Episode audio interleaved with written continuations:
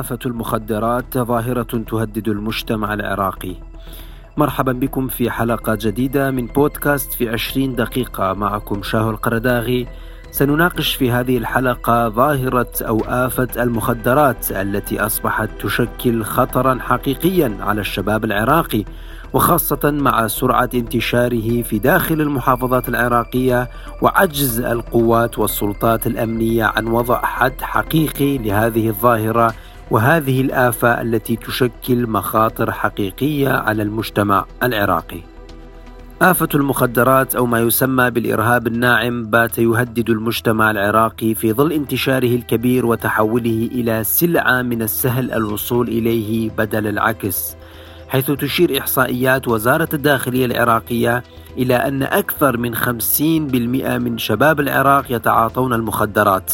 ويحذر المراقبون أن النسبة قد ترتفع وتصل إلى 70% إذا بقي الحال على ما هو عليه الآن دون تحرك جدي من قبل السلطات المختصة.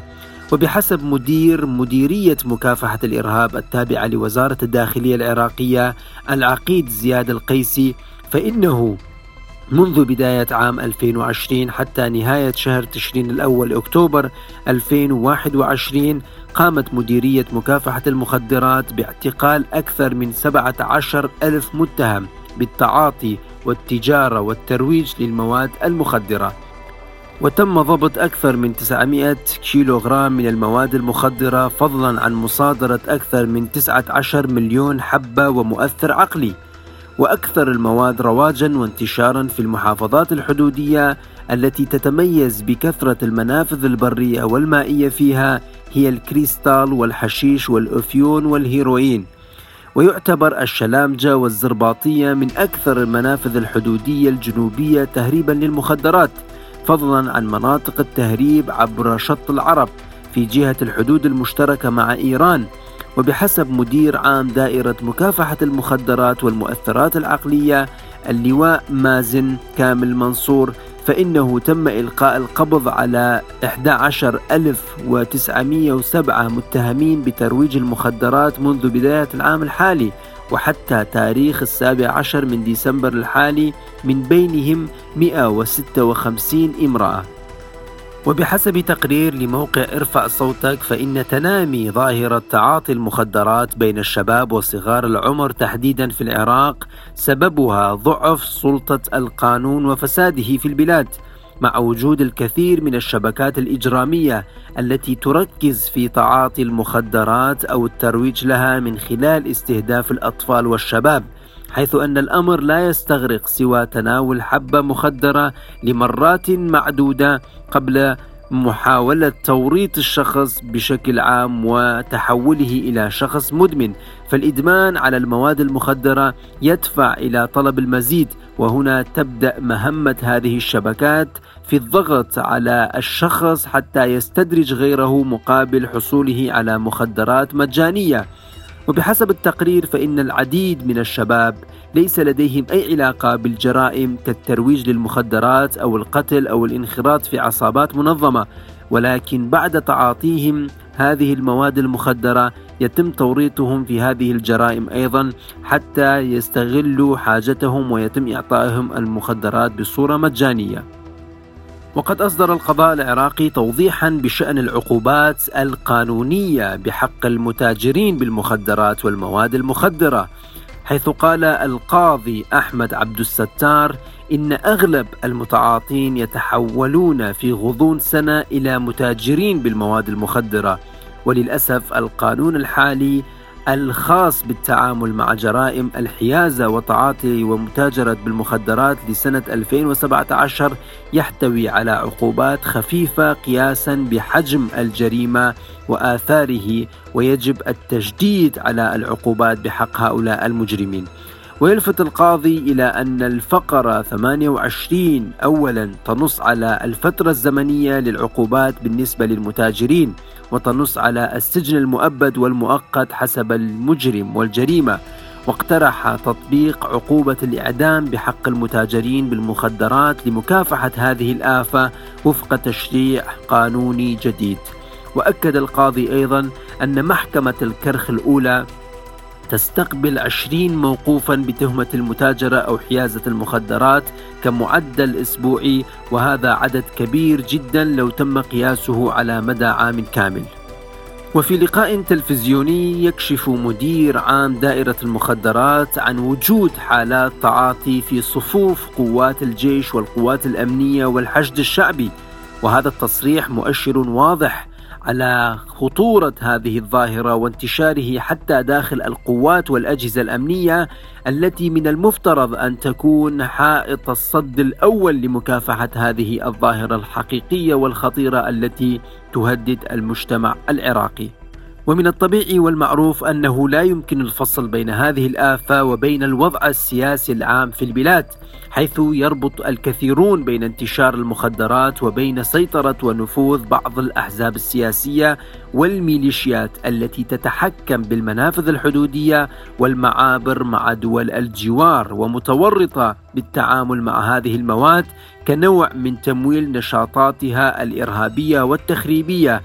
كمثال ذلك حزب الله اللبناني الذي ينخرط في نشاطات إرهابية وأيضا نشاطات مخدرات والترويج للمخدرات في سبيل إيجاد وسيلة لتمويل نشاطاته في المنطقة. وهذا الأمر ينطبق أيضا على الأطراف السياسية والميليشيات التي تعمل داخل العراق. وللمزيد حول هذا الموضوع ومناقشة الأمر بصورة أعمق ناقشنا الباحث السياسي العراقي نظير الكندوري وسألناه عن رأيه في توسع وسرعة انتشار المخدرات في المجتمع العراقي بالصورة التي نراها اليوم وما هي أسباب هذا الأمر وما هي تداعياته على المجتمع العراقي. والحقيقة فيما أراه أن يعني ظاهرة انتشار المخدرات في العراق في السنوات الأخيرة أظنها هي ليست ظاهرة طبيعية كما يعني تحدث في بلدان كثيرة. نحن نجد أن كثير من البلدان قد ابتليت في موضوع انتشار المخدرات سواء على مستوى الاستهلاك أو على مستوى التجارة فيها. وقد أخذت هذه البلدان سنوات طويلة لتستفحل في هذه الظاهرة. لكن الشيء العجيب أن ظاهرة انتشار المخدرات على مستوى استهلاكها ومستوى المتاجرة فيها آه، لم تأخذ وقتا طويلا في العراق وانتشرت بشكل كبير. والفترة الزمنية لانتشار هذه الظاهرة الجميع يعلم أنها بدأت منذ 2003 بعد ما انهار النظام السابق. ووقوع العراق تحت الاحتلال الأمريكي ثم تحت النفوذ الإيراني. فبدأت هذه الظاهرة تنتشر بشكل كبير في أوساط الشباب يعني من الجنسين الذكور والإناث وأنا أعتقد أن هذه الظاهرة هي آه، تم الترويج لانتشارها ولأنها تصب في مصلحة آه، تتعلق ربما في دولة مجاورة سواء من الناحية الاقتصادية أو حتى من ناحية أنه إدخال هذا البلد في فوضى آه، ظاهرة المخدرات وما يتبعها من انحلال المجتمع وإفساد للطبقة لطبقة الشباب فيه وجعل هذا البلد يعني بلدا مستهلكا لهذه المادة وبالنهاية سيكون بلدا طيعا وسهل الانقياد من قبل النظام الإيراني المجاور للعراق. وانطلاقا من هذه المعطيات برأيك أستاذ نظير هل هناك أطراف سياسية متورطة في هذه التجارة ومسؤولة عن تفشي وانتشار ظاهرة المخدرات بهذه الصورة داخل المجتمع العراقي؟ أه، أنا أجد أحد الأسباب المهمة أيضا التي ساعدت على انتشار المخدرات سواء على مستوى الاستهلاك والمتاجرة فيها هو وجود أحزاب وميليشيات آه، تتعامل مع الأجندة الإيرانية وتتوافق معها بشكل كبير. وهناك آه، يعني حالات تورط كبيرة لهذه الأحزاب وأيضا لهذه الميليشيات في الترويج للمخدرات والمتاجرة بها وخاصة بعد ما تم فرض حصار على إيران بسبب خروج الولايات المتحدة من الاتفاق النووي. فكان العراق هو النافذة تكاد تكون النافذة الوحيدة لإيران لاستحصال العملة الصعبة. وبذلك كانت تجارة المخدرات هي تجارة ممتازة بالنسبة لإيران ولمن يتبعها في العراق. ولذلك أعتقد أن النظام السياسي وعلى مستويات عديدة متورط في انتشار هذه الظاهرة في بين أبناء الشعب العراقي.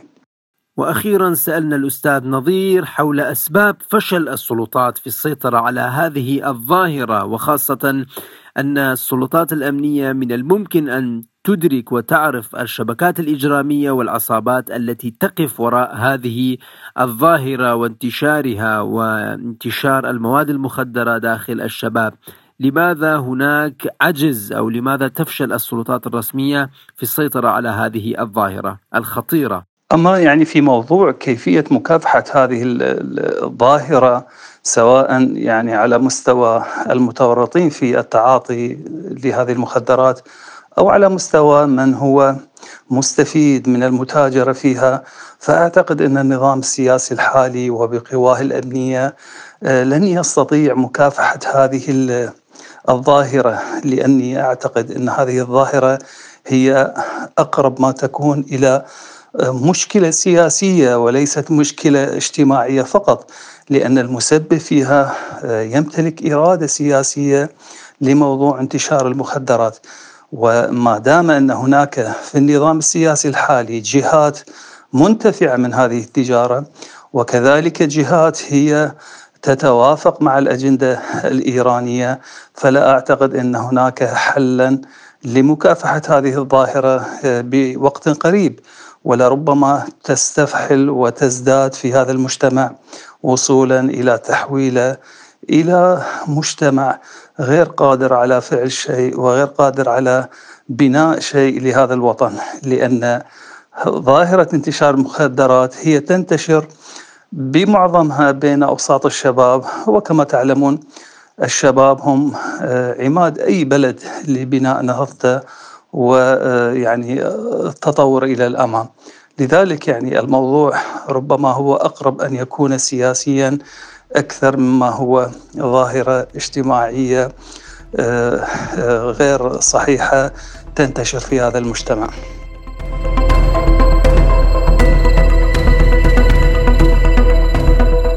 كما يحذر الكثير من الجهات الأمنية والسياسية والقضائية المرتبطة بملف مكافحة المخدرات من أن تنامي ظاهرة المخدرات في العراق بمثابة إرهاب ناعم قد يحل بديلا عن إرهاب المسلح الذي عانت منه البلاد في السنوات الماضية وما زالت تعاني من آثاره السلبية على المجتمع. وبحسب عضو مفوضية حقوق الإنسان العراقية علي البياتي فإن المخدرات ستكون التهديد الرئيسي للعراق في المرحلة المقبلة وتمثل تهديدا امنيا وسياسيا واقتصاديا واجتماعيا ونفسيا. ويرى البياتي أن التطورات التي حدثت مع بداية انتشار وباء كورونا أدى إلى حصول تغييرات كبيرة وضغوطات اجتماعية ونفسية والفراغ والعوز والبطالة وأيضا تراجع الوضع الاقتصادي وهذه العوامل دفع الكثير من الشباب إلى اللجوء إلى تعاطي المخدرات والانخراط والتورط في شبكات وعصابات تجارة وتوزيع والترويج للمخدرات. ويعتقد البياتي أيضا إلى أن معالجة ظاهرة المخدرات في العراق بحاجة إلى تعديل قانون مكافحة المخدرات الرقم 50 لتجديد العقوبات على التجار والتخفيف عن المتعاطين لأنهم ضحايا الواقع والاستغلال وغياب جهود الدولة لحمايتهم من هذه الظاهرة الخبيثة والآفة الاجتماعية. وغالبا ما يدخل القوات الأمنية في مواجهات مسلحة مع شبكات وعصابات الاتجار بالمواد المخدرة حيث يتمتع هذه الشبكات بنوع من النفوذ والسلطة والقدرة والسلاح ما يؤهلها إلى مواجهة القوات الأمنية وتوسيع نشاطاتها بصورة أكبر وأكثر توسعا. ويشير مسؤول عراقي إلى تمتع عصابات الترويج للمخدرات بحماية ضمنية من فصائل وميليشيات مسلحة. وأخرى يتورط أفراد تلك الميليشيات والفصائل بهذا النوع من تجارة الممنوعات داخل المجتمع العراقي.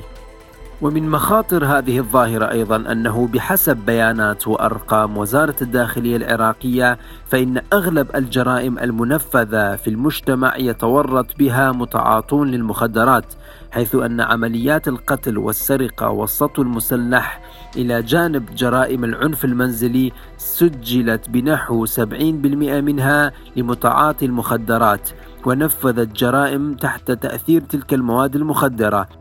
ويدعو المراقبون إلى إعلان حالة استنفار رسمية في البلاد لمواجهة هذا الخطر واحتوائه والتعامل مع تهريب المخدرات القادمة من سوريا وإيران مثل التعامل مع مخاطر الإرهاب وإلا فإن البلاد مهددة بمزيد من الإغراق بهذه السموم الذي باتت تشكل خطرا كبيرا على المجتمع.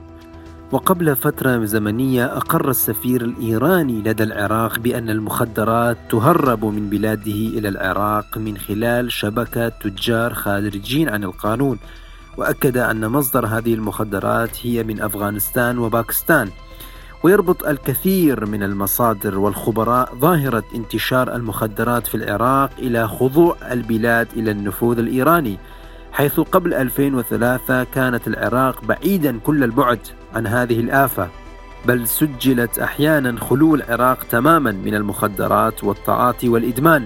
ولكن بعد سيطرة إيران وميليشياتها على العراق وعلى الوضع الأمني والسياسي والاقتصادي باتت تنتشر هذه الآفة داخل المجتمع العراقي كما هي في كل الدول الخاضعة للنفوذ الإيراني في المنطقة.